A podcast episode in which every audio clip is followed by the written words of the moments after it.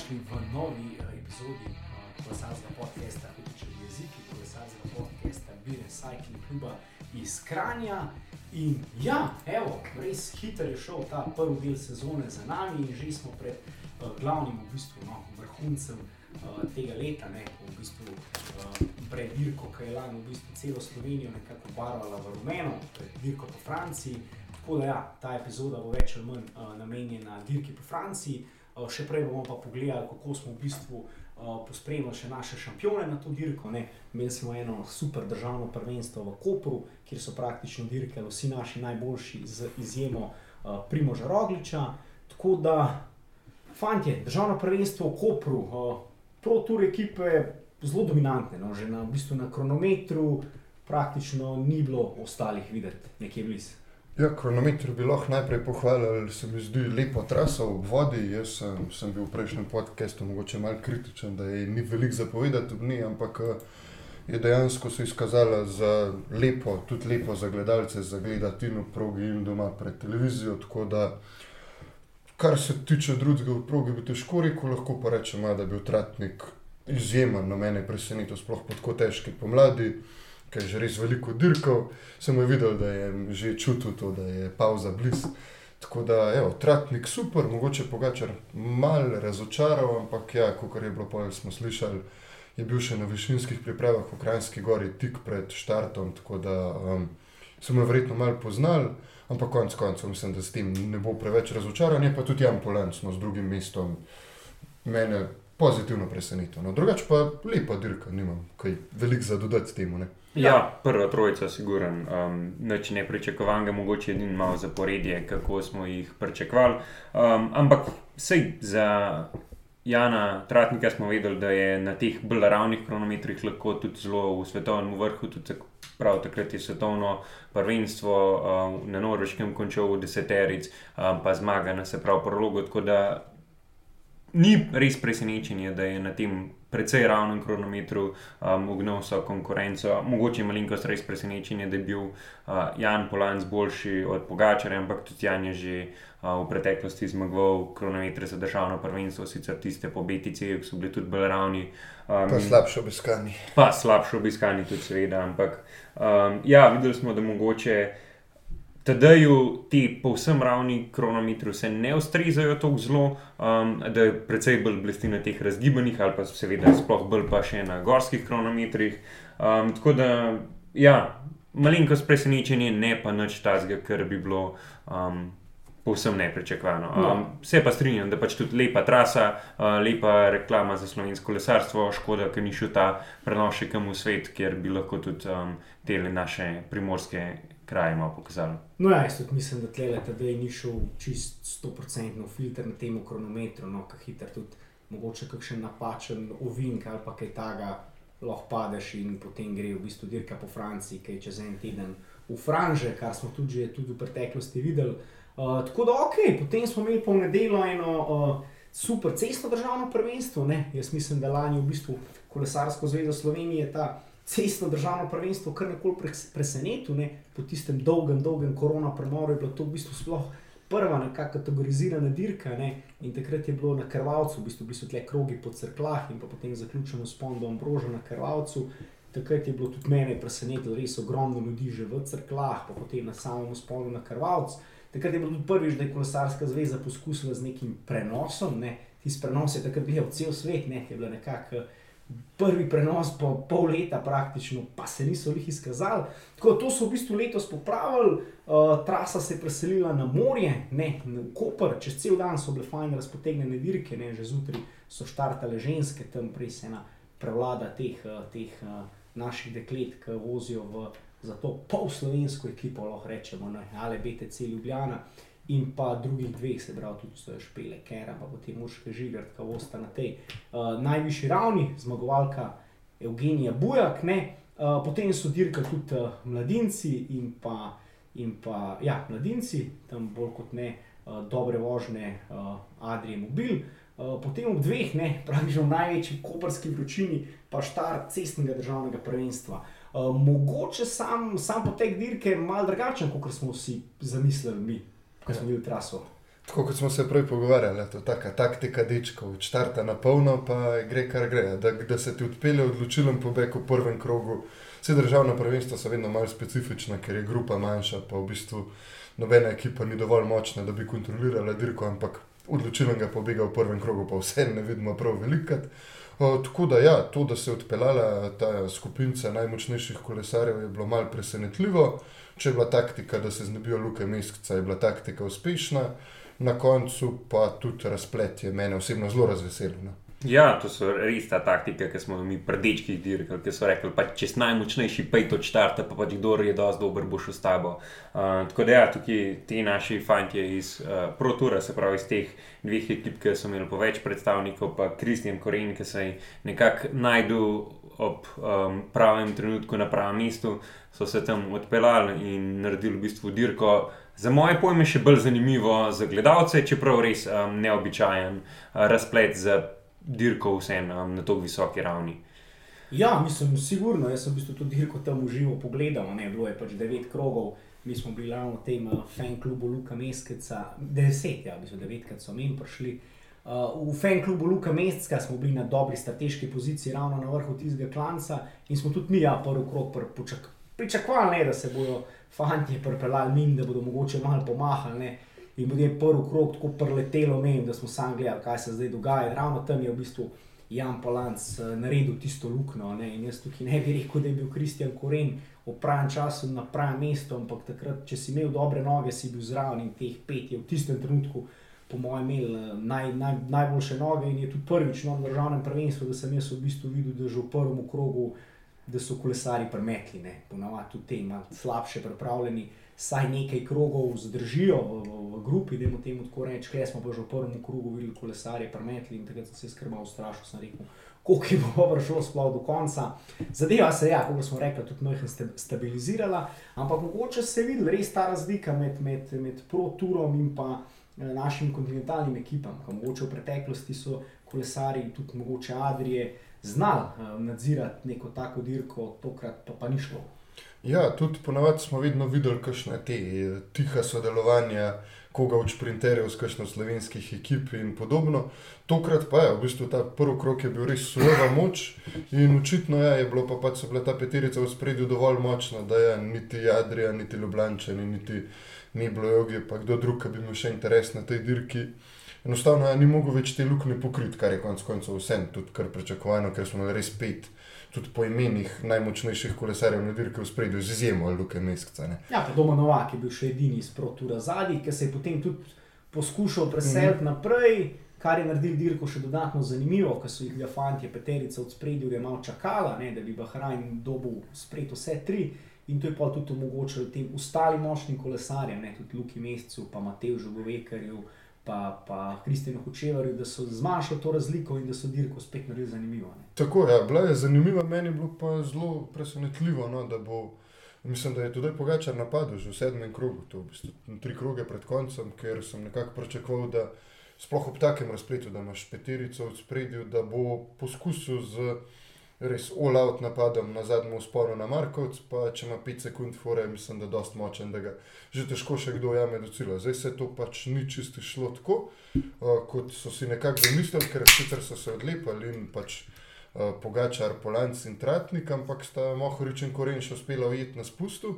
Pol je pa Moho, tako kot on zna dirko lepo prebrati, videl, da so od spredja so se mal pogledali, skočil na kontro, potegnil sabo Polanca, kar je bilo pa mislim, da za Mohoriča daleč najboljši razplet, ker mislim, da je ga Polanc od vseh kolesarjev v spredju najtežje od sprinta, kar se je pa na koncu izkazalo tudi za v bistvu pravilno, pa čeprav sploh ni prišlo do sprinta. Ne.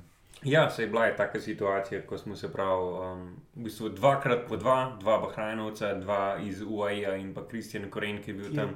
Trenutno še brez ekipe. Še brez, brez ekipe. ekipe Voza Vital Gone, to v bistvu podobno licencirano kot Biren Cycling Club. Ne, ne, na istem nivoju. Na istem nivoju. Konec koncev smo z enim od eh, kolesarjev Vital Goja z Matejem nad Franji tudi kolesarila, dobro je vleko. Tako da vsak. V redu, fanti, v redu, tako bratim klubom. Tako, tako. tako. Tudi frumi tam v osme. Uh, tako da, ja, tam sta se, se pravi, iz, um, vsak izmed teh pro ekip um, po eno odpeljal, se pravi, Mohorič iz Bahrajna in Polanci iz UAE. vzad ne Tratnik, ne Pogačar, niti nista smela za res loviti, niti nista imela preveč interesa, ker vse je pač nek tak riziko, da če loviš, lahko se zgodi mrskej, tako bo pa en od tvojih saj v top dve. Sej pač vemo, da na koncu je tisto, kar za res šteje zmaga, ampak očitno sta oba dva. Um, imela dovolj upanja, da bo pač njun sotekmovalec um, zmagal, torej um, Pogačar v Polanca in pa Tratnik v Mohoriča. Enemu se je to malenkost bolj šlo kot drugemu, ampak um, to smo vedeli, da se bo zgodilo. Um, ja, poj dirka se je odvijala kot je, do zadnjega kroga sta šla Mohorič in um, Polanc v bistvu skupaj, oba dva sta se zavedala, da morata sodelovati, da um, si preveč taktiziranja ne smeta prvošati, pa pa v zadnjem krogu, mislim, da je Mohorič napadel trikrat um, ali pa mogoče celo štirikrat. Um, Jan Polanc, moj enkrat v bistvu na tem edinem usponu v krogu, um, je poskusil z enim kar resnim napadom. To je bilo že blizu tega, je, da, da počne ta elastika, da, da zgubimo oko, ampak je zdržal. Tako je, ja, ampak uh, videl se je, da tam, ki je bil najstrmejši del klanca, je bil Jan um, nekoliko boljši, naredil mogoče par metrov razlike, ampak Mohrič je šel v svojem tempu pač do njega, skozi ta najtežji klan, spok se je pa cesta samo malenko zravnala uh, se je po v bistvu postavil na drugo stran ceste, še malenkost pospešil do ta veliko šajbo um, in se v bistvu odpeljal, in Jan ga žal ni videl, mislim, žal. Bilo je v bistvu dosti podobno razplet kot tista etapa na dirki po Kataloniji, ki sta bežala Mohorič in Degent, ne? ker tudi takrat je v bistvu bil Degent na, v zadnjem krogu na vzponu močnejši, pa jim ga je napadel, pa je Moho poskusil v svojem tempu, sam takrat je Degent lih toliko razlike naredil, da ga Moho ni več videl. Ja, Potlej pa po lancu zmanjkalo, Ja, 10-15 Tudi sekund. jaz sem v bistvu pomislil ja, na, na to etapo. ne. Uh, v bistvu, ja, kaj še lahko povem o tem državnem prvenstvu? No, mene zelo v bistvu veseli, da so tudi gledalci nekako uh, začeli dojemati to državno prvenstvo kot, kot svoje. Ne. Se spomnim, kakšna državna prvenstva par let nazaj. To je bilo nekaj gledalcev v cilju, pa nekaj na vzponu. Ne. Tukaj pa zbramo že lani, ne, v velikem številu, tudi tokrat so se zbrali, res eno super vzdušje, kateremu je v bistvu res pripomogel tudi ta fan klub uh, Luke Mesca. Ne ker so se v bistvu fantje res organizirali, pripravili pogostitev, pijačo, žar, vodeno navijanje z ozvočenjem.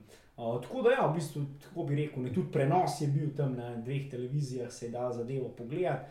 Tako da res super, bravo, Jure, uh, še enkrat za, za čest, čestitke za organizacijo. Ne. Pa bi sem tako rekel, mogoče kolesarska zveza, ne, če bi mogoče oni v prihodnosti razmislili, da na glavni vzpon uh, dirke postavijo kakšnega Jurčka, da lahko ljudje kakšno pijačo kupijo. Pa eno veliko platno, pa so že zmagali, Tako vse več veliko treba. platno, pa mogoče kakšen štanc, s kakšnimi mrči, pa kakšen, kakšne tele pišuke za otroke, pa mislim, da je že super, bilo dosti narejene. Ja, ker sem menil prenos. Um, prenos letos ni bil sicer po televiziji, ampak bil je pa organiziran prek MMC, se pravi, um, RTV-jeva ekipa je v bistvu to pripravljala. In prenos je bil precej bolj na nivoju kot pa člansko leto, in um, tudi mislim, da um, bi si v prihodnosti lahko zaslužil tudi neko redno mesto na vem, um, drugem programu televizije Slovenija, da bi tudi dosti ljudi to pogledali. Um, in Siguren je to nekaj, Mislim, kar Sigurno, če bo z aktualni prvak eh, dirke po Franciji, jaz mislim, da je to vredno nacionalke, če tam gledamo razna a, prvenstva v sinhronem drsanju in podobno, a, bi tudi kakšna taka le. No. Ja, in tudi meni se je to malo no. presenetilo odločitev, če so že naredili prenos, pa naredili so ga zelo spodobno, signal ni padal ven, bilo je tudi s komentarji, ja, ne, Mihe Mišiča na ciljni črti. In tako pač prenos, kad se prenos dela. Zakaj tega ne vrstiš na program, ker mislim, da v nedeljo, sploh 20. junija, pa res ni toliko boljšega programa, sploh zdaj, ko nacionalka niti ne prenaša Evropskega prvenstva v nogometu, da bi lahko rekli, da ima nogomet. Uh, to prvo mesto. Tako da malo razmislite o tem, Tako da, da Peter, do drugo leto. fanti si puščajo možnost za napredek. da- Zakaj plačujemo naročnino, kako bi rekli? Tako daleč pa ne bomo šli. To- Tako daleč pa ne, tako daleč pa ne, se lahko po zimi gledamo smučarske skoke. Tako. Uh, Če nič drugega, to. nič drugega na nacionalki. Ne. Ok, in gledali bomo tudi Tour de France, ne o tem več v nadaljevanju. Ma pa kolesarstvo en tak super, super koncept, se mi zdi, ne super koncept teh državnih prvenstev, da so v bistvu praktično vsa državna prvenstva na isti vikend, nekako tradicionalno, nekje ta tretji vikend v juniju, kar dejansko zagotovi, da so praktično vsi najboljši takrat frej, po domač povedano, ni drugih dirk in lahko pridejo na državno prvenstvo dirkati, eh, se boriti za to majico državnega prvaka, kar je fajn, no, da ne gledamo tukaj nekih kolesarjev iz uh, nižjih uh, ravni, ampak da dejansko pridejo vsi najboljši in je potem so te dirke dosta prestižne, da jim temu tako reči. Tako je mogoče saj en tak hiter pregled naredili, poleg Slovenije smo menili, zdaj glavna kolesarska nacija, ne tukaj zmagal Matej Mohorič pred Janom Polancom, tretji Luka Mezgec. Ne. Uh, Belgija, ne, se pravi, tudi ena kolesarska vele sila, kolesarska nacija, ne. prvo v bistvu prvi naslov za Valta Van Arta, bi rekel, da bomo zelo prvošen, zelo zaslužen, tako da ga bomo tudi v tej belgijski majici lahko gledali kasneje na, na, dirki, na dirki po Franciji. Uh, naslednja nekako ponavadi, pomislimo na kolesarstvo, neka taka kolesarska vele sila, kaj bi rekli, Italija. Ne? Ali pa Francija. No. Italija ali pa Francija. No, mogoče se lahko ustavimo pri Italiji, ne? tudi tukaj je bil Bahrajn uspešen, ne? ponavadi večno drugi, Sovni Kolbreli je uspel zmagati, ne? kar uh, je super, ne? tudi uh, že ko mi čakamo, kakšno majico bodo pripravili Sonju uh, pri Bahrajnu. Evo, uh, najci omenil, najci omenil Francijo. Ne? Ja, francoska državna prvenstva so vedno zanimiva. Ne? To v bistvu, če imate možnost, to kdaj pogledajte. Vse to tudi Eurošport, vsako leto prenaša, tako da ja, se da pogledati. Jaz sem lani zadevo pogledal, no, predvsem je zadeva zanimiva, ker je na štartu ogromno kolesarjev iz različnih, iz istih ekip, ne se pravi, ne vem, Francija z uh, grupama FD Žuma po 20 plus kolesarjev, Total Direct Energy tudi po 20 plus, ne, Cofidis in ostale uh, francoske ekipe, potem imamo pa kakšnega Žulana ali Filipa, ki vozi za Dequeni Quick Step, ki pa pride na dirko z dvema tremi kolesari, samo in je dirkanje zelo, zelo zanimivo. In tudi letos so vse te velike francoske ekipe šle kar poražene z terena, ki je v bistvu zmagal Remi Kavanja iz sotekmovalec. Uh, Žuljana Ala Filipa iz uh, Quickstepa, ne? tako da kar uh, zanimiv razplet. Uh, mogoče bi tukaj omenil samo še, sam še Španijo, ne? kot še zadnjo to kolesarsko vele silo. V Španiji smo kar dolga leta spremljali neko to prevlado Movistara, tudi Movistar kot španska ekipa je prišel z ogromnimi kolesari uh, na prvenstvo, ponovadi letos ne, letos mislim, da so bili samo sedem ali osem kolesarjev in pa zmaga za Umarja Frejlja, za Stane. Ne. Tudi ta Stana se skozi bolj profilira kot neka španska oziroma baskovska mm -hmm. ekipa. In, in zelo zanimiv tukaj, tukaj zaključek. No. Cilj je bil v bistvu majhen na klanček, en tak bolj položen Jeleno Klanc in Frejlja je v bistvu 500 metrov pred ciljem. Šel v sprint kot nek lead-out za Arambaruja, ten 100 metrov pred ciljem pogledal, kakšna je situacija zadnji, videl, da je sam in je potegnil v, v cilj. Ne. Tako da očitno v dobri formi tudi njega bomo videli v tem drevesu španskega prvaka, tudi na dirki po, dirki po Franciji. Ne. Ja, pa Peter Sagan ponovno v drevesu slovaškega državnega prvaka, zdaj smo ga imeli šanso spremljati temu navadnemu dresu Bore, ker malo je bilo čuden, ker je pač prej v preteklosti nosil ali pač drese državnega prvaka, svetovnega prvaka ali pa pač tudi zeleno majico. Tako da um, vračamo se nazaj na te neke poti, saj državnega prvaka. Saj, um, državni prvak Slovaške ni njih najbolj prestižen naslov, ki ga je Peter Sagan, ampak vse en, ja, v bistvu, nek ponos je. Brata Sagan držite to uh, slovaško državno prvenstvo v roki že od leta 2011, ne, se pravi, zdaj deseta obletnica, vmes se malo izmenjujete, nekaj let Peter, te vmes je bil tudi Jurek Sagan, prvak, zdaj spet Peter.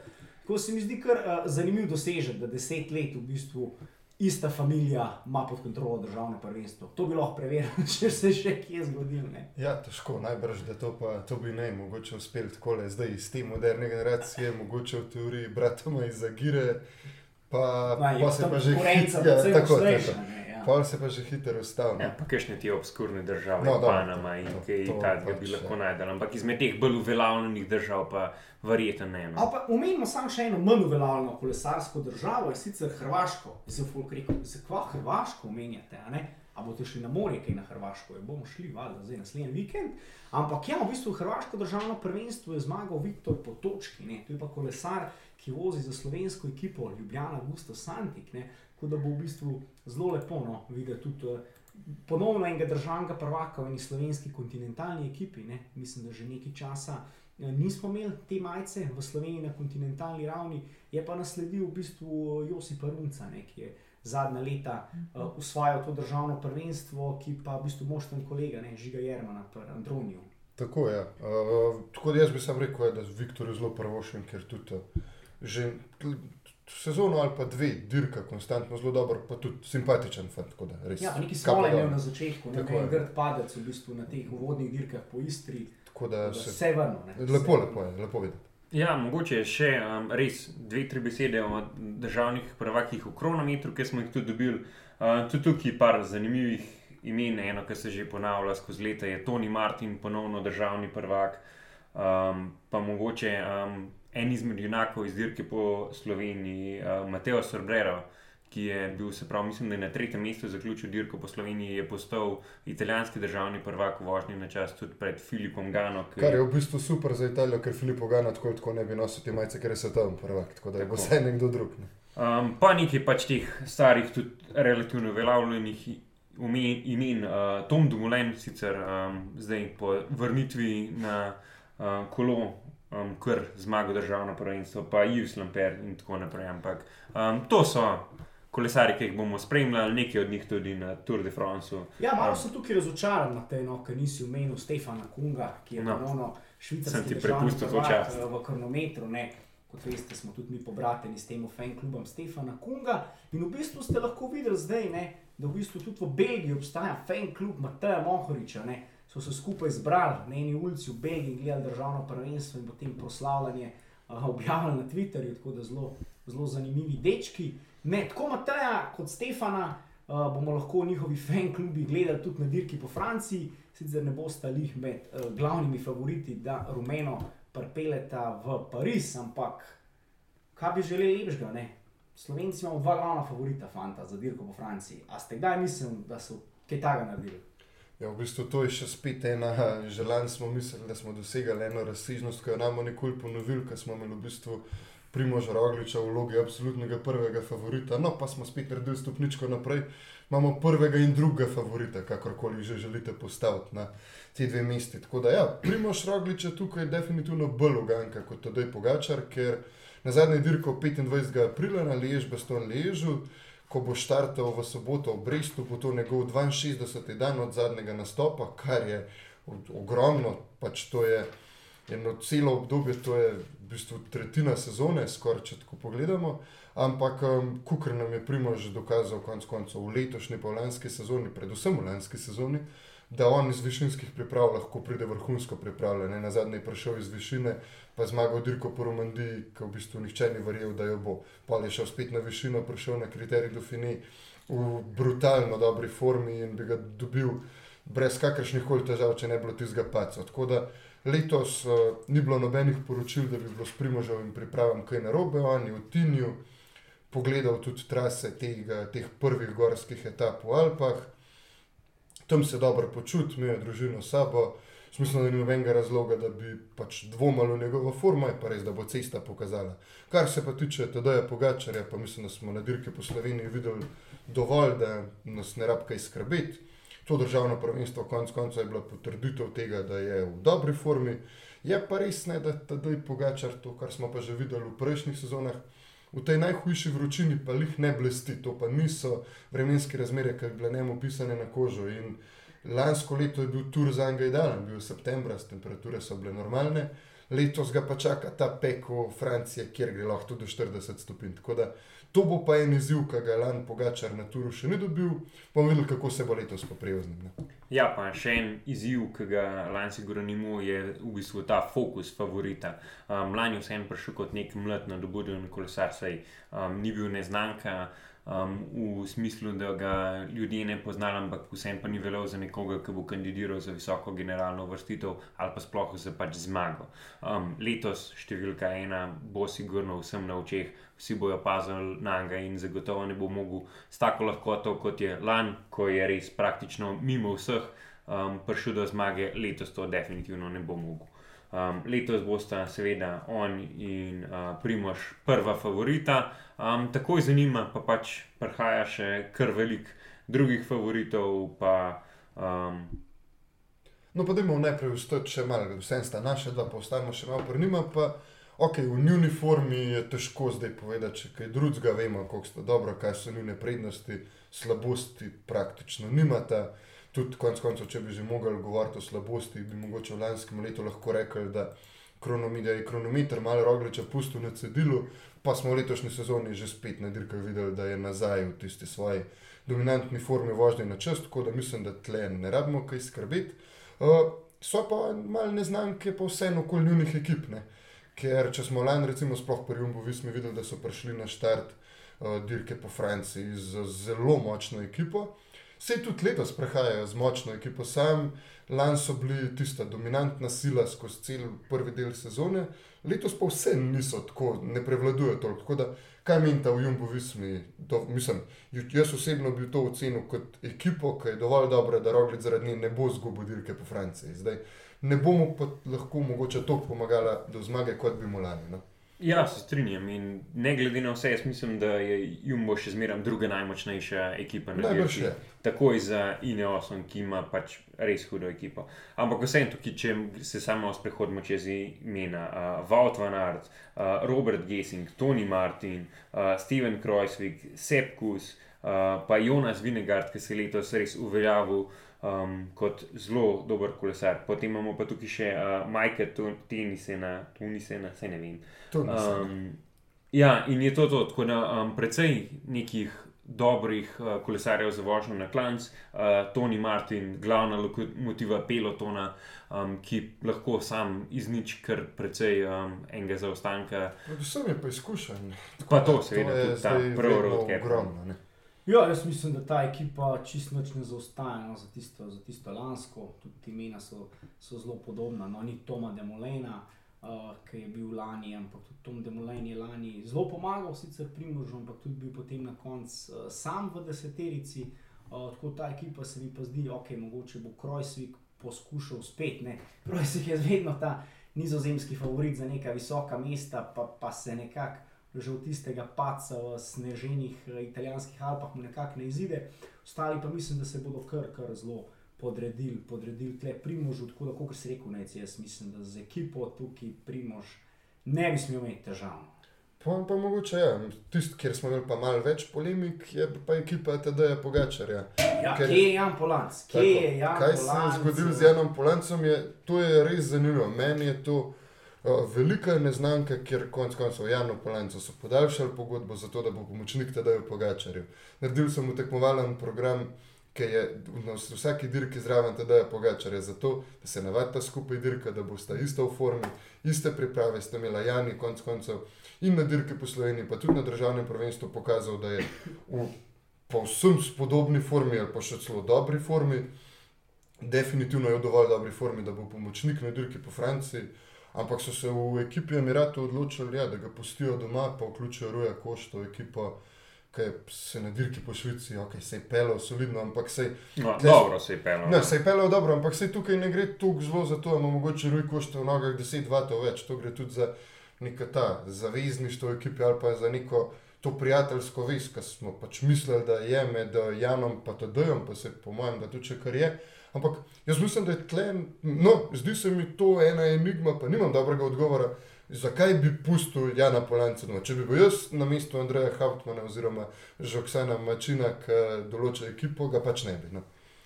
Ja, tudi jaz verjetno ne, ampak vsem, ko pa pač pogledamo to um, štartno listo UAE, ne, ne vidimo nobenega tazga kolesarja, ki bi res sekal ven, kot pač zakaj imamo tega sabo. Sej, no, pač, ja, ja. No. Vidimo, kakšnega. No. no. Jaz ne, pač vsi so že pač nekaj pokazali. Imamo tukaj Mikela Bjerga. Um, Andrej Šiler bo ustanovil fan klub Brendana McNaltyja, v katerem no. ne bo niti njega. um, no, ok. Mikel Bjerg, Rui Košta, Davide Formulo, Mark Hirši, Rafal Majka, Brendan McNulty in pa uh, Verak, Staki Langen. Um, so vsi kolesari, ki so leto že pač mrske pokazali. Pač, uh, ja, Brendan McNulty tukaj, um, mogoče malenkost, um, tak se ni jih najbolj izkazal na dirkah, um, medtem ko vsi ostali so pa pač bodi si z izkušnjami, bodi si svojo pripravljenostjo pokazali, zakaj imajo mesto v tej no, ekipi. No, sam Roj Košta, jaz bi rekel, da bo Jan Polanc mnogo prej mnogo bolj brez kakršnih koli besed. Eh, se podredil ekipi, kot se bo podredil ekipi Roj Košta, ker nisem podredil delo za TD-ja Pogačarja. Sej, mogoče me bo pa postavil, mogoče me bo pa postavil na laž, pa bo dirkal profesorsko in bomo vsi pozabili, da so pač Jana postili doma, ampak jaz osebno res tega ne bi naredil, ampak konc koncev pa mislim, da nam je v zadnjih letih UAE dal kar nekaj enih razlogov za to, da nekako ne dvomimo v njihove odločitve, ker so dirkali kar spodobno. No, pa pojdimo zdaj še na ta Ineos, že prej omenjeni in pa pač. Uh, daleč najmočnejšo ekipo na papirju na štartu, ja, brez ne, prvega favorita. Ne. Nekako v teoriji izgleda, kot da bo to tedaj Pogačar, Primož Roklič proti Neosu. Tukaj težko samo enega izpostavimo, ampak potem, ko bomo delali Neos, bomo pa videli, da ostale ekipe pa nimajo takih izrazitih. Fantov za rumeno majico. Tako ja. nekaj, nekaj teh fantov iz zadnjega še je, ki so tudi v zadnjem času pokazali neke forme. Recimo Miguel Angel Lopez se jo lepo stopnjuje, pač pa bo tudi zdaj v Movistaru, mislim, da je dobil, konec koncev, če bi se Movistar, če ste pogledali spet novo sezono, novo sezono te serije od Movistara na Netflixu, boste videli, da njim trenja v ekipi res niso tu. Ja, ne, da... začel gledati zdaj roadmape. Morda, morda je začel roadbooke gledati, predvsem nisem prepričan, da bo ta španska falanga in teh trije kapitani na papirju, kaj je dosti dobrega. Ne, tu mora Pre... staro je dobro to, ta taktika zmeri delovala. Oni vsako leto vidijo s tremi kapitani, pa se vrnejo. In pojmo enega petega in enega devetega. Tako, ja, tako, tako. Skregani in za najboljšo zmago v ekipi razvrstitvi, kar bojo tudi letos dosegli. Ja. To bi pa stavil stav te evre na to, da bojo prve ekipe razvrstitvi. To ni nobenega dvoma. Zelo, zelo pomembna, zelo pomembna ta majica. Ja, ampak dajmo se vrniti vse na ne, ker Ineos, eh, mislim, Ineos samo da ima. Ineos ima štir, uh, zma, tri zmagovalce Grand Tourov. Tako, tri zmagovalce Grand Tourov ekipi in glede na, in glede na prikazano formo, ima Richarda Karapaza, ki se je vozil vrhunsko, je odlično pripravljen. Konec koncev smo videli v zadnjih sezonah, kaj vse Richard Karapaz lahko. Imamo ta, kaj vse lahko naredi. Imamo ta Georgian Hart, Elan, zmagal Džiro, mal presenetil, leto začel sezono v redu, padel, imel pa malo slabše nadaljevanje, ampak vsem, dober in blagfant, imamo reči, Porta, zmagal kriterij do Fini.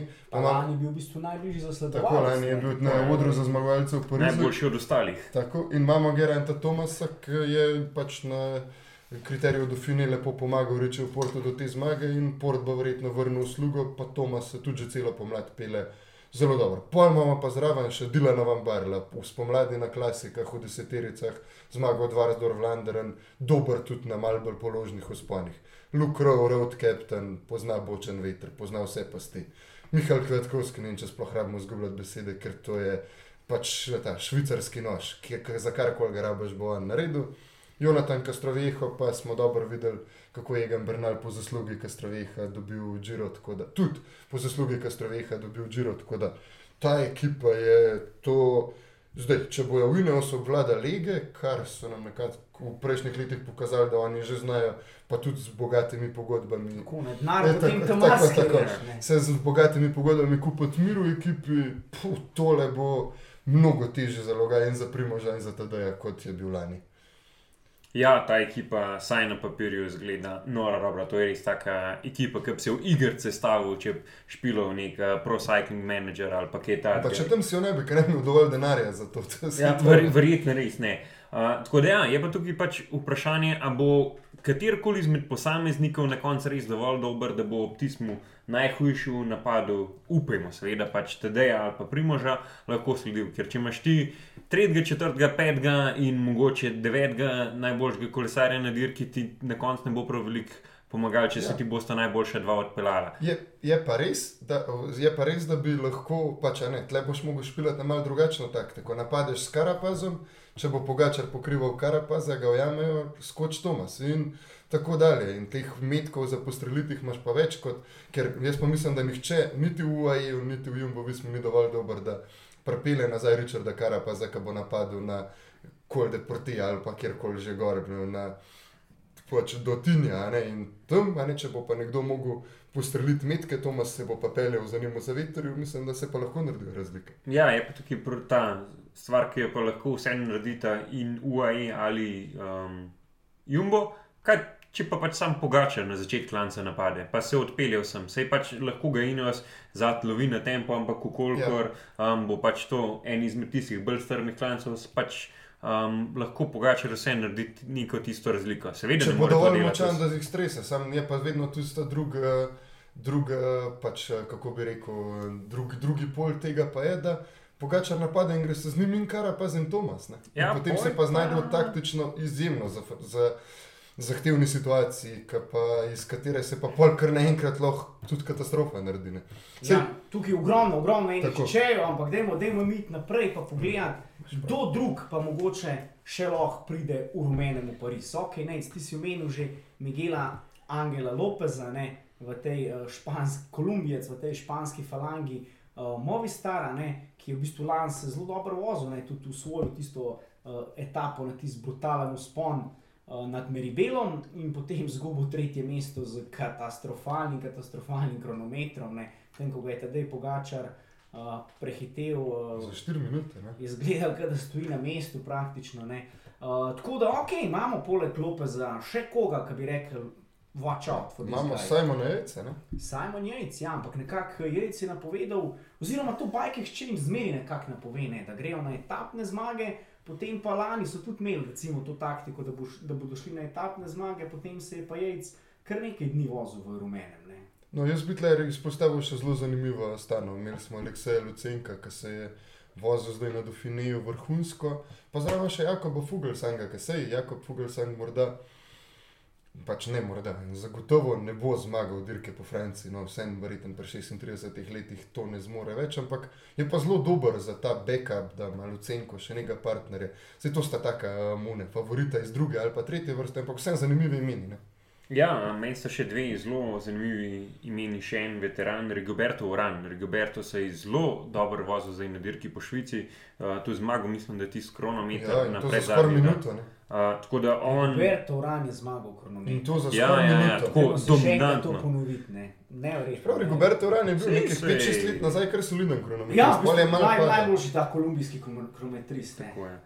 Ker konkurenca ni močna. Ne. to se strinjamo, Se sigurno. spomnim tistega posnetka, ki ga je tisti kmet, se spomnite, ki je bil posnetek na YouTubu, ki v bistvu Rigoberto Uran trenira kronometer za neko dirko po Franciji, pa ga ujame nek kolumbijski kmet z nahrbtnikom in ga drži, ker dober še del tistega treninga. Potem mu je Rigoberto, mislim, da podaril dres.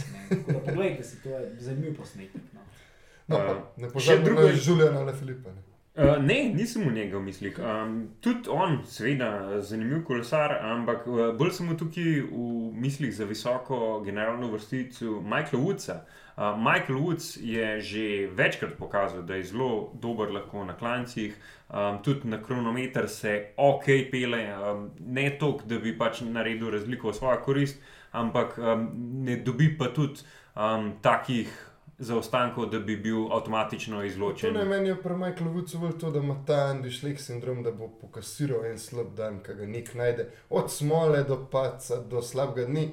On bo odpeljal mogoče 18 etap vrhunsko po eni uni zafrknil možnost za udar za zmagovalce. Ampak upajmo, da ne, ker je simpatičen kolesar. Okay, prej bi mogoče za, v francozih eno posebno rekel čez, čez minutko, bi pa mogoče omenil, preden gremo na francoze, še Emanuela Buhmana. Ne.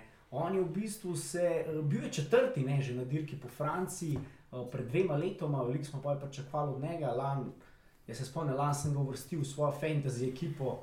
Največje razočaranje moje, najmanj točk mi je prinesel. ne. Eh, Lani ga praktično nismo videli ne, na tej dirki po Franciji, letos pa zelo soliden Giro do tistega nesrečnega paca v tej slovenski etapi, oziroma pred slovensko etapo, tam v Gradežu, malo po štartu so padali. Uh, mislim, da on bi v tej ekipi bore znal nekaj narediti. Ne? Ja, to je Emanuel Buhman, je uganka, on konec koncev je že dokazal, da to zmore. On ima pač vse v bistvu te predispozicije, da bi bil v igri za peterico. Je pa res, ja, da forma njegova je pa velika uganka. Se on je tudi povedal, da je v bistvu prihaja na tur kot pomočnik Vilko Keldermanu. Ne. Sam to je, se veste, kako je, po neki je kapitan na papirju, neki pa treba še na cesti pokazati. No, tudi lani je bil uradno tedaj Pogačar, pomočnik Fabio Tako. Pa smo hitro videli. Damjano Karuzo je bil ne dolgo nazaj, uh, drugi pomočnik um, To je tudi v. Bahrajnu. Tako da, Uh, tako da, ok, dirka po Franciji, res ta svet igra za francoze. Francozi na tej dirki niso zmagali že dolga, dolga leta. Ne. Letos so v bistvu prvi. Leta 86, Tako, leta Bernardino. 86, na zadnje, veliki Bernard in no. Letos pa v bistvu prvič na to dirko prihajajo brez dveh kolesarjev, katere so upe polagali praktično zadnjih deset let, pa se je zmeraj nekaj zalomil. Ne. Letos prvič ni zraven obeh v kombinaciji, no, kdaj je manjkal en, kdaj drug, ampak kombinacija Ti boja Pinoja in Boja Romana Pinoja in Bardeja. Romana Ja. Bardeja ni manjkala že kar nekaj časa, ne. se pravi, teh glavnih francoskih fantov, ni kljub temu pa imajo francozi neki orožje tudi za rumeno majico. Ja, mislim, na La Filipa res ne smemo pozabiti na no, ta dirka po Franciji.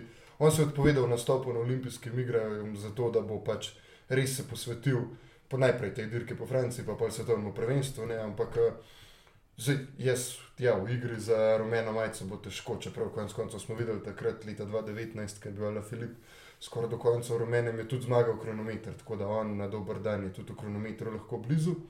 Ampak jaz mislim, da lahko pa dobimo dve, tri etape od Juliana Kanača. Ja, pa novo pečeni očka je zdaj eh, prav na dirki po Švici. Mislim, da je na zadnji dan dobo otroka, oziroma pred zadnjim dan, pa si še ugibal o tem, ali bo sploh štartil um, tiste zadnje etape ali ne. Um, lahko pa pričakujemo, mogoče ne v rumeni majici proti koncu dirke, ampak zagotovo pa proti uh, začetku dirke, ko imamo ta uh, štart po Britaniji in tam bo zagotovo kakšna etapa, ki je kar pisana na kožo Julijana Filipa. Pa dajmo se vrniti nazaj na te francoske favorite. Tako, tako, ja. Um, David Gaudu, ne? David Gaudu. Um, v, grupani, v grupami FDŽ um, največje te upanje in jaz mislim, da tudi na koncu bo od vseh francozov najvišje uvrščen v skupnem seštevku. Um, on je zdaj več let bil v bistvu malo v senci Tiboja Pinoja, um, pa se vsa leta dosti dobro, dosti konstantno tudi vozil. Uh, tako da jaz pa mislim, da letos bo pa nekako um, naredil še ta korak dlje in končal mogoče mogoče celo na zmagovalnem odru, ukolikor seveda. Drzna napoved. Drzna napoved, se strinjam, um, ne bi stavil na to, če ne bi bila kakšna dobra kvota, ampak um, mislim pa, da lahko je visoko, ker um, ni pokazal nekih večjih pomankljivosti.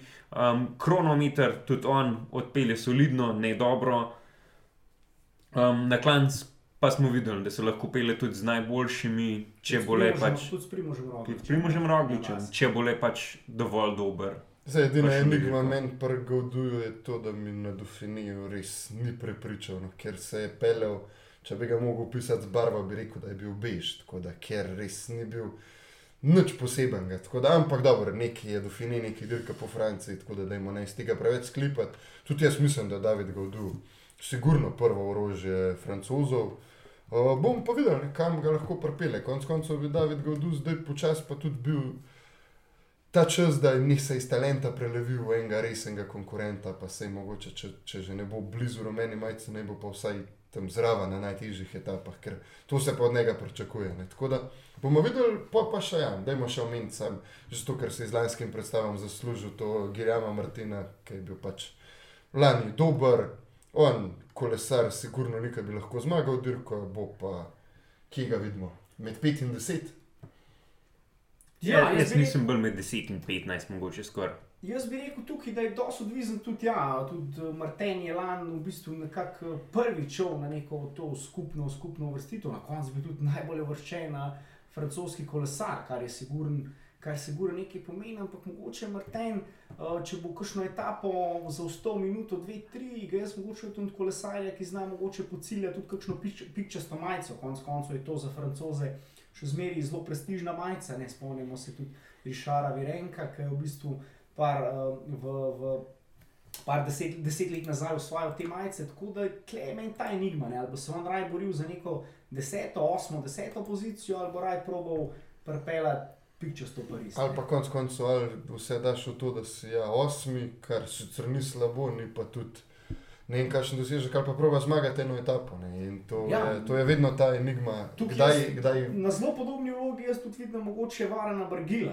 Brgil, to on je zmeraj enigma, koliko je on pripravljen, koliko se bo zdaj skregal svojo ekipo. Tako, tako, on je res diva. Ja. Fan, terrible, ne, tega francoskega kolesarstva, tudi ta Arkea Samsung ekipa. Jaz ne vem, kako lahko v ekipi, isti ekipi vozijo Brgil in Bohani, pa pol še Quintana, ne, to mora na večerji biti eh, kar kaos. Quintana je nezaboravljiv.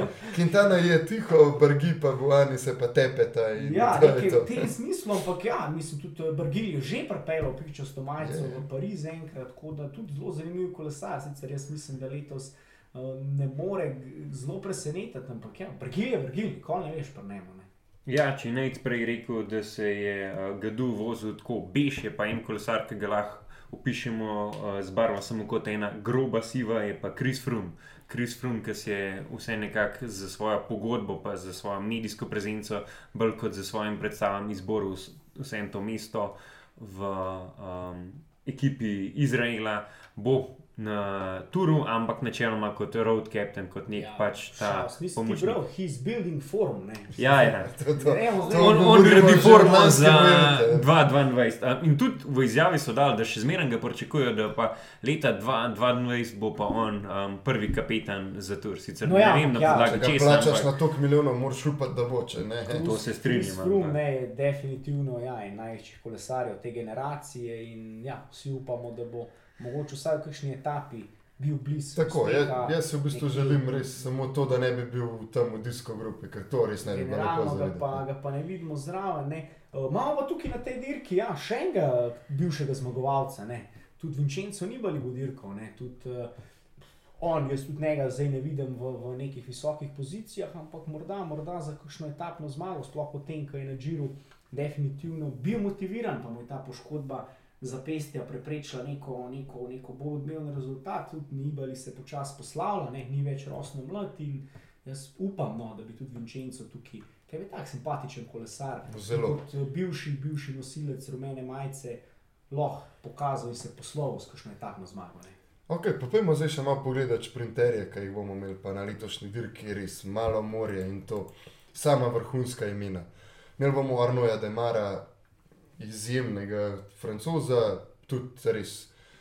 Meni men, osebno je en ljubših sprinterjev, ne znam ti povedati, zakaj, ampak tako, zelo rad ga vidim, ko zmaguje.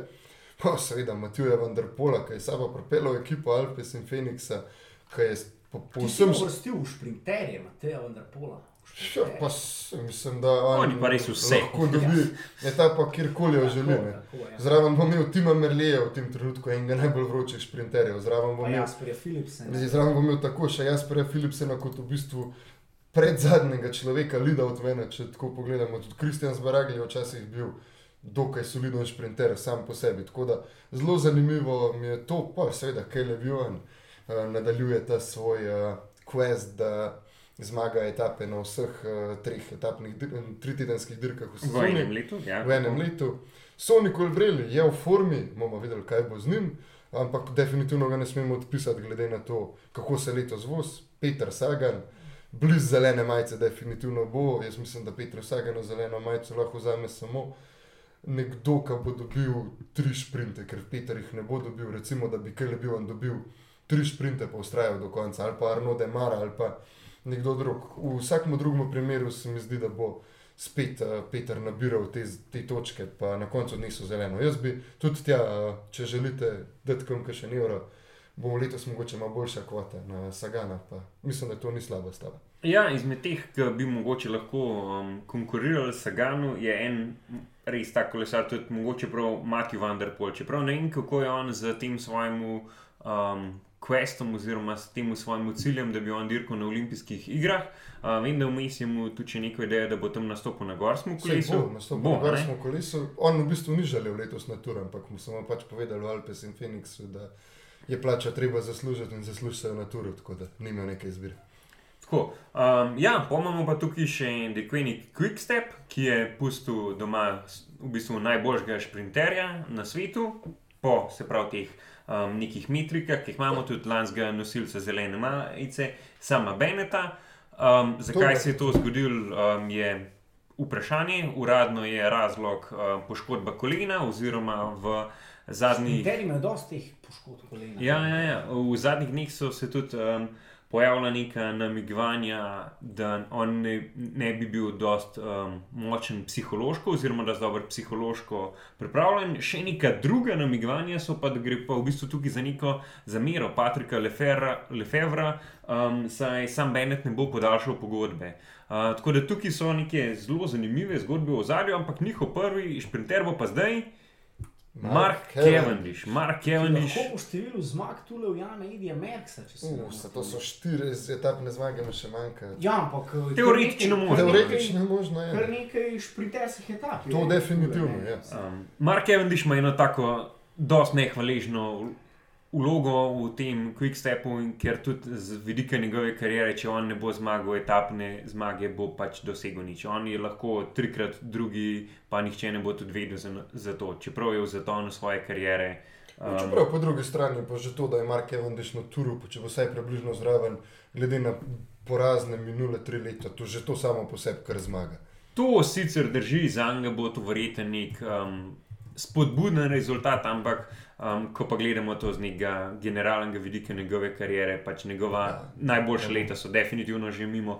In če zmaga vsaj eno etapo, bo to zgodba o uspehu, vkolikor um, ne bo zmagal. In tudi ne bo v svoji zeleni majici, ker si upajmo trditi, da je ne bo. Ne. Um, bo pa to pač neka zgodba, ki bo šla relativno hitro no, v pozabo. Jaz mislim, da v tej šprinterski konkurenci, če Mark Cavendish osvoji etapno zmago, da je to izjemen uspeh. Ja, ja. Samo enkrat mora biti na pravem mestu, ker pa vemo, da zna biti. No, ja, to je veliko lažje reči. Se strinjam, se strinjam. Imamo še enega šprinterskega veterana, ne? Andrej Grajpel se spet po, po nekaj sezonah tudi v Dresu Izraela vrača na, na, na dirko po Franciji, tudi za njega jaz mislim, da. Glih ta etapne zmage bodo težko dosegljive, ampak zanimivo, spet mogoče boj Marka Kendisha in Andreja Grajpla, kot da smo leta 2012. Ne. Tako, ampak eh, pojmo pa, če smo že pri sprinterjih, mislim, da je čas, da pogledamo še proti Luki Mescu. Vse ne, eh, ne smemo pozabiti na Luko, Luka ima sicer težko pripravljalno obdobje. On sicer pravi, da je imel vrhunske priprave, več kot mesec dni na višini. Konec koncev je tudi s tem tretjim mestom na državnem prvenstvu pokazal, da noge se vrtijo. Ja, s tem, ko je že v bistvu 4 minute za vse. Tako, tako. tako da je pa res, da on bo tam v prvi vrsti pomočnik uh, Blinga, Matthewsa. To bomo videli, no, ampak ona dva sta z Matthewsom zelo podobna kolesarja, kar bi bilo lahko minus, lahko je pa tudi velik plus, ker sploh, če se gre, ne vem, neka skupina 40 kolesarjev pride čez zadnji spon, pa spol šprinta, se lahko tudi ona dva napadata in je več taktičnih različic. Tako da jaz eh, polagam upet le ven.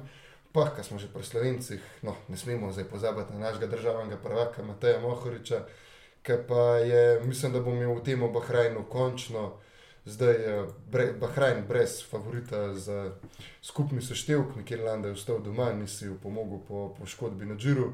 Tako da mislim, da bo imel Matej precej proste roke, tako so rekli tudi v izjavi za javnost, ko je do Bahrajna predstavitve ekipe. In mislim, da je čas, da se ta smola Mateja neha spet uh, vzame eno etapo na turu in lepo izkoristi formo. Pa, pa ja, in s tem bi se v bistvu Matej tudi pridružil tej elitni družščini kolesarjev, ki so zmagali etape na vseh treh Grand Tourih. Ne, Matej, ne smejo pozabiti, da je zelo mlad kolesar, ima že etapno zmago iz dirke po Španiji, ima že etapno zmago iz dirke po Italiji in če tukaj v tem pokru. Doda še dirko po Franciji, je to ni veliko kolesarjev, ki se lahko pohvalijo s tem dosežkom. Ne. Točno tako. Jaz mislim, da me za Matejo formo me sploh ne skrbi, skrb, upam samo res, da je bilo smole dovolj, pa da, pa da pač zdaj obrnemo to krivuljo na gor. A pogledamo še malo trasa, fanta. Ja, dajmo v bistvu trasa. Uh, jaz v bistvu se spomnim, ko je prišla ta trasa ven, sem nekaj časa gledal, ni bilo čisto jasno, zakaj se gre, ker v bistvu ni toliko teh mountain top finishov, sem nekako predvideval, da uh, francozi so, sem, tako sem si rekel, francozi so obupali rumene majice ne bojo pripeljali v Pariz, hočejo zeleno z demarom. Ko sem se zmotil. Ne, to mislim, da je letos dejansko francosko najboljše upanje. Plus imamo etape, ki so sploh ti začetek v Britaniji, to je pisano na kožo ali Filipu. To so genialne etape za njih. Če pogledamo že prvo etapo, profil prve etape je, ko s tem rečejo, te zobje morskega psa, ne? samo gor dol, gor dol, gor dol. Sej, to niso sponi, ki bi bili ne vem kako selektivni, ampak za tiste čiste sprinterje pa mislim, da bo že v prvi etapi to pretežko. In pa že tukaj lahko Ala Filip obleče na prvi dan v soboto iz Bresta do Landernoja. Eh, rumeno majico, kar bi bilo odlično za francoze, drugi dan spet, morda Britanija, cilj. Vemo, da v Britaniji normalnih klancev tudi ne poznajo, njihovi klanci morajo biti strmi, druge ni. Uh, tako da to, no, pol pa dejansko to sta ti prvi dve etapi, pol se pa začne nek sprinterski festival, ko bomo imeli štiri čist v bistvu ravne etape, oziroma no, tri ravne etape, pa kronometer. In uh, dejansko tle bojo pa pač ja, tistih sprinterjev, ki smo jih prej omenjali, prišli na svoj račun. In ja, če Arno de Mar, ne, to vlak bo jaz mislim, da bo zanimivo videti, sploh bo pa zanimivo gledati, kako se bo odvijal ta boj za rumeno majico v prvem tednu, ker vsi hoče imeti rumeno majico. Pa če recimo Ala Filip obleče na prvi dan, a jo lahko zadrži čez ta kronometer v peti etapi, 27 km čiste ravnine. To bo že tukaj zanimivo videti, hkrati bomo pa mislim, da v tej peti etapi tudi videli prvo neko to razmerje moči med favoriti na kronometru. Tle bi se v 30 km tudi minuta znala narediti. Ja, sigurno, sigurno. In potem uh, že zelo malo tudi zavijemo v neke te, bom rekel, bolj resne hribe, ne? še, prvim, še pred prvim rezdejom gremo v, v, v, v Alpe, ne? letos je trasa tako, da gre pač prvo zavijo Alpe, pa potem kasneje v Pirineje. In nekako meni je tudi zanimivo, ne, da so v bistvu uh, organizatori, se mi zdi kar načrtno, no, že zadnji dve, tri leta se nekako izogibajo teh epskih prelazov, ne, ki so bili nekako mitski, ikonični. Uh, v prejšnjem letu letos dobimo dvakrat Ventune. To sem želel omeniti. Ja, letos je v teh ikoničnih prelazov v bistvu dvakrat Mont Ventune, kar je, kar je fantastično. Ne, ta Mont Ventune je res ta fantastični osamelc, ne vrhunsko je gledati kolesarje, kadirkajo gor. Nimamo pa teh, nimamo teh prelazov, kot je recimo kakšen uh, Alp de Way, nimamo Turmaleja. Uh, nimamo teh prelazov, kjer se je recimo Lens Armstrong profiliral, pa Jan Urlih, pa te etape. In nekako je Prudhov, mislim, da rekel, da želi on tukaj profilirati neke, neke nove, neke nove prelaze za to novo generacijo, ta Grand Bornari, recimo zdaj mislim, da že uh, drugič ali tretjič uh, v izvedbi Tim je dosti prisoten. Uh, v bistvu... To so v bistvu zdaj drugi domači kraj, Primož Roglič, ker tam preživlja svoje priprave na višini in te ceste, 8 in 9 etape, Primož pozna na pamet. Tam ga moramo pričakovati v spremljanju. Kar bi še mogoče omenili pri teh gorskih prelazih, da je letos izrazito malo teh mountain top finishov. Ne? Se pravi, da so dodali ta uh, spust kot nek, kot nek element, se pravi, da želijo poudariti to, da ni dobro, mislim, da ne zmaga kolesar samo, ki se pelje na polno v klanc, ampak da je treba biti bolj kompleten, da je tudi spust, pa mogoče še neke ravnine potem sestavni del. Uh, Zmage, v bistvu ja, takšna etapa, dejansko take etape ponujajo več taktičnih različic, ne bolj odprto dirkanje. Konec koncev, tle spetine vas lahko mnogo, veliko časa profitira, če se prepele čez klan z dvema ali pa tremi kolesarji. Ne. Ampak ja, uh? Ja, že več let v bistvu vidimo to, da se pravi, kakšnim letom, vmes izjemoma, da dopušča nek bolj ta modern tur, da rečemo tem, brez teh eh, klasičnih klancev. Uh, koncev na klanec, um, ki omogočajo več taktičnih različic, bolj odprto dirkanje, ki je seveda tudi bolj zanimivo za gledalce. In, um, vse to se je v bistvu nekoliko spremenilo, zdaj se pravi, ne več tako zelo novemu direktorjem dirke, ki um, hoče narediti iz tega tura tudi nek šov, kar je po nek strani tudi prav. Um, hočemo gledati odprto dirko, hočemo dirko, ki ni odločena v prvem oziroma na polovici dirke, ampak hočemo gledati um, dirko, ki bo napetga, napeta praktično do. Um, vsaj do pravi, tega drugega sklopa, pa klancev, ne bodo to Pireneji, ne bodo to Alpe, pač tisto, kar pač tisto leto pride na vrsto kot zadnje takrat približno moramo imeti kristaliziran, kdo bo tiskal krojil vrh, uh, imamo pa pa tudi če zmeraj nek ta bombonček za na konec. Um, pa ostali smo pri tej um, etapi v Tilju. Um, kot smo rekli, to je pač neka ta etapa, ki je primožu Rogliču bolj uh, domača, pa je še ena bolj ravna etapa in potem prvi dan počitka, ki bo 6. julija, um, potem pa spet nekaj razgibanih etap, pridemo do um, počasi do Pirinejev, um, ki se pojejo. Najprej do Andore. Ne? Najprej še do Andore, tako je.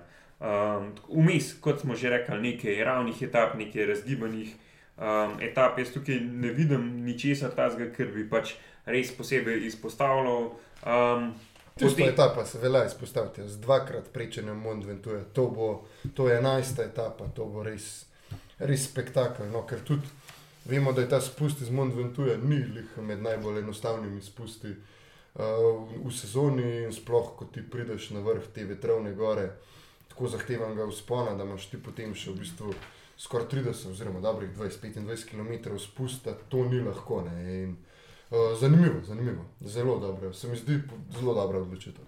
Ja, jaz bi v bistvu pri tej trasi, mogoče se traso bomo še sprot pokomentirali, ker bomo na teh res zdajih se potem pomikali naprej proti Parizu. Ampak uh, mogoče beseda ali pa dve o kronometrih. Ne.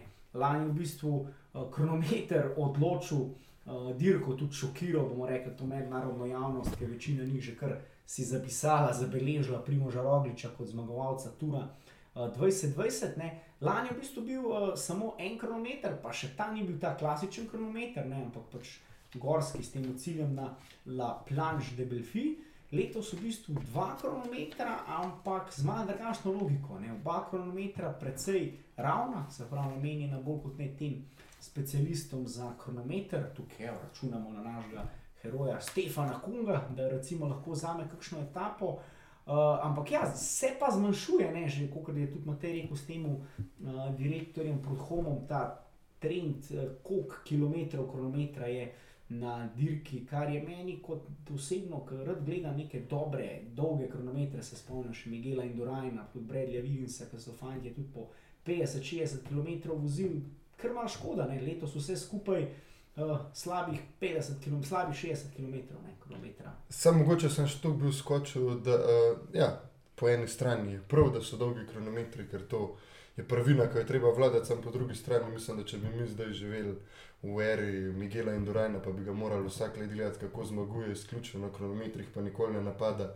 Se takih dirk precej hitro naveličali. No? Tako da mislim, da je za samega gledalca to pač boljša izbira. Ja, je pa to glede zaradi tega, ker je res ena taka prvina v kolesarstvu, ki je, ki je zelo, mislim, uh, zelo težko je v bistvu tudi, uh, mislim, lahko jo natrenirati, ampak je pa neka težka, težka stvar, tudi, tudi oprema je posebna, vetrovniki. Dosti povezan z nekim vlaganjem v razvoj. Ne? In še ena stvar pri teh kronometrih. Ne? Jaz sem včasih na dirki po Franciji zelo rad spremljal te ekipne kronometre. Ne? Tudi tega so se kar nekako losali, kar je po eni strani mogoče dobro, po drugi strani so bili pa tudi precej atraktivne zgodbe za gledalce. To. Ja, tega že več let ne spremljamo. Sploh jaz se iz glave zdaj ne spomnim, kdaj je bil zadnji ekipen kronometer, ki smo gledali na dirki po Franciji. Um, je pa res, da ukolikor hočeš imeti tak. Kronometer ga moraš narediti na začetku dirke, ker ja. to delaš v um, drugi polovici dirke, lahko povsem narediš dirko pa malo na rekovaj govorim neregularno, ker mogoče bo ena ekipa do tam prišla z osmimi kolesarji, ena pa z dvema, kot smo pač naprimer videli situacijo z lotom na Džiru. No, ja, In... zato so tudi bile ponovadi prve tri, štiri etape. Sigurno, sigurno. Um, ampak ja, tega ne vidimo več. Um, jaz osebno tega ne pogrešam tako zelo, ker uh, tam smo videli kar neko zelo dominanco enih in istih ekip skozi um, leta, saj pač Quickstep in EOS um, so kazali. No, tudi Jumbo Visma se znal zelo dobro pelati na, na ekipnih kronometrih. Mislim, da zadnja izvedba ekipnega kronometra ravno takrat, ko je v bistvu Mike Tunisen uh, imel nekoliko presenetljivo tisto rumeno majico. Ne?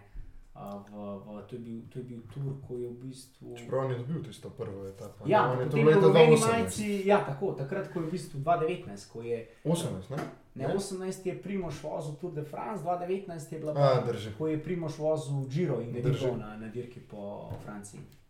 To, pa jaz v spominu imam še Orika, da je tudi dobila enega izmed teh um, ekipnih kronometrov v, da moramo reči, zadnjih petih letih ali pa mogoče že skoraj še let nazaj, več ne znam to čisto točno določiti. Um, ampak ja, letos pa, kot je Andraš rekel, dva, približno 30 um, km kronometra, zdaj, da jim rečemo ravno in mogoče malenkost um, nehvaležnost. Jaz bi rekel, da ste razgibana, definitivno. Nista ravna. V bistvu. Gorska. Um, ampak ja. Bomo videli, kaj nam boste te dva prinesla. Um, jaz sem zelo navdušen nad tem, da v bistvu se bo kronometer um, da bo kronometer določil v bistvu zmagovalca, spet dirke po Franciji, ker je zadnji v 20. etapi in da imamo v 21. potem samo še to parado šampionov na Elizejskih poljanah, um, kjer seveda pričakujemo sprint. Um, tako da ja. Jaz sem fan tega, da zaključujemo s kronometrom, kot se je zgodilo tudi že, naprimer, uh, lani na Džiru. Konec koncev je ja, ta kronometer v predzadnji etapi leta 2018 vzel primož odr za zmagovalce, pa recimo, da mu bo letos. Pa prnesel, ne vem, mogoče prvo mesto, bomo videli. Ok, že ki si začel z napovedmi, ne? na Džiru smo nekako napovedali uh, naše zmagovalce oziroma naše naše favorite. A gremo mogoče zdaj en krok, eh, pa povemo, kdo je naš glavni favorit za rumeno majico, pa mogoče vsak reče nek outside bet, to neko presenečenje. Kva bi rekla? Ok, ja, jaz bom začel s Primožem Rogličem, mislim, da se tudi Primož zaveda, no, in če se zaveda. Jaz osebno mislim, da mu je tole najboljša šansa, ki jo bo imel za zmago dirko po Franciji. Letos je šlo v pripravah končno vse prav, mislim, da bo zelo motiviran um, in jaz se bom stavil na Primoža, da pripelje rumeno majico. Za outside bet, pa kaj povem, za en outside bet, pa ne za zmago, bi jaz izpostavil Bena O'Connorja, ki mislim, da bo dirkal boljš, kot pričakujemo, pokončal med petim in desetim mestom. Ok, super. Ja, tudi moj favorit za zmago je Primoš Roglič. Um, čeprav um, bi si mogoče um, bolj želel, da zmaga tedaj Pogačar, verjamem, da je Primoš letos res naredil vse prav in da bo um, oddirkal tako, kot se zagre. Kot ta outside bet bi pa še enkrat izpostavil Michaela Woodsa, ki mislim, da bo presenetil in končal tam, da mu rečem, med tretjim in petim mestom. Ok, ok. Ja, očitno smo tukaj kar složni. No. Tudi, uh, to so res no, nehvaležne napovedi. Ne. Parkrat smo že na začetku tega našega podcasta, v prvi epizodi, rekli, ne, kako smo bili včasih veseli, če je Slovenc bil vem, v begu na dirki po Franciji, če je Slovenc. Se spomnim, ko Če je Simon- sploh štartov, je Tako, bilo ko si Simon dobro. Špilak enkrat osvojil uno rdečo številko najbolj borbenega kolesarja, jaz sem to gledal, tisto etapo, se ko car, ne, svaka mu čast, le, dober je, a ne.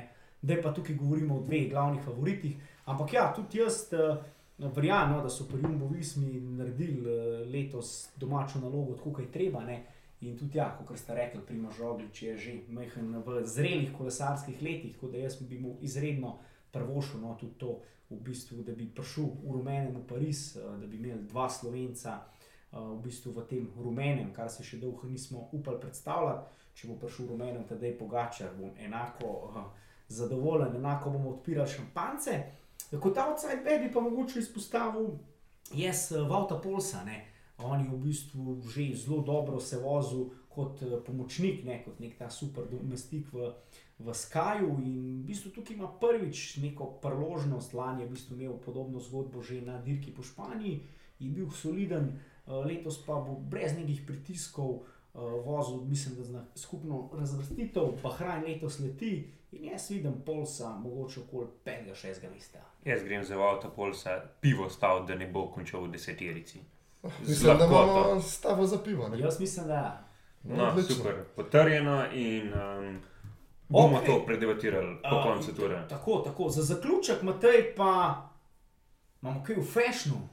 Uh, ja, fashion kot tiček bi mogel biti namenjen dresom državnih prvakov, uh, žal še nimamo nobene uradne objave, čeprav smo videli na Instagramu Bahrajna, kako pripravljajo nek dres um, Mateja Mohoriča, ki bo dosti podoben tistemu, ki ga je že vozil, ko je bil državni prvak. Tako da mogoče le omemba um, Primožovega dresa, se pravi, um, Primož Roglič bo seveda zdaj vozil v dresu, običajnem dresu Jumbo Visme, uh, ki pa ne bo ta dominantno rumen dres, ampak bo um, mu nekoliko več črne barve. Um, s- mislim, da smo to že enkrat omenjali. Um, tako da, ja, Primož bo vozil v dresu, ki je tako mehen, sploh ne kako preko, malo karirasto črn, oziroma nek tak vzorček ima. Um, tako da ne ga iskati v dresu državnega prvaka, tam bo na tem turu Matej Mohorič, uh, upajmo pa, da bo vsaj eden izmed teh dveh naših uh, favoritov za skupno zmago čim prej v dresu, v rumenem dresu in da ga bomo lahko nadalječ prepoznali. Ok, uh, super, no, hvala, da ste bili uh, z nami. Uh, naslednjič se slišimo na uh, naslednji, oziroma prvi res dej, ne v soboto. Spremljajte, kot je Nec omenil, začetek letos v Brestu. Letos mislim, da bo dirka po dolgem času spet potekala, no, že lani je, ni bilo eh, planirano samo v Franciji, ne, noč ne gre izven meja Francije. Uh, tako da vmes nas pa spremljajte tudi no, na naših socialnih omrežjih, uh, nas lahko tudi pofollowate na BCC Kran na Instagramu. Ne. Evo, recimo ta vikend se odpravljamo na en izziv, gremo s kolesom iz Kranja v Pulo, tako da majhen spremljajte objave, bomo objavili kakšno uh, objavo iz te naše ultramaratonske preizkušnje. Drugač pa ja, no, pofollowajte, polajkajte, če imate kakšno vprašanje, napišite, pa upam, da se kmalo vidimo v rumenem. ne. To preizkušnjo je v preteklosti tudi vozil Luka Mezgec. Ja, res je. Je to preizkušnja samo za najbolj do, zahtevne. Dobro si izpostavil, dobro si izpostavil, Matej. To je bilo v bistvu to je neka tradicionalna preizkušnja, ki jo organizira neuradni vodja Fengkluba Luka Mezgeca, če tako rečemo. Uh, Jure Bitens ne, in lani se nam je Luka, ker je ta korona sezona, uh, pridružil uh, in je v bistvu praktično bilo kar lahko prijeti v Pulo, ker je Luka iz Ljubljana do Pule, bil na Firengi, po domač povedano, letos bo Luka v Franciji, mi na cesti, brez nagoje pomoči, tako da bo verjetno precej težje vse skupaj. No, ampak bo lažje, če boste pa prišli v Pulo, pa vam bo pa on vikend, če Luka dol in dober rezultat na začetku. Tako, tako, tako Luka računamo na te. Ja, dajmo si to želeti, pa ja, no, bodite z nami še na prvi res, pa ja, hvala, da ste nas poslušali.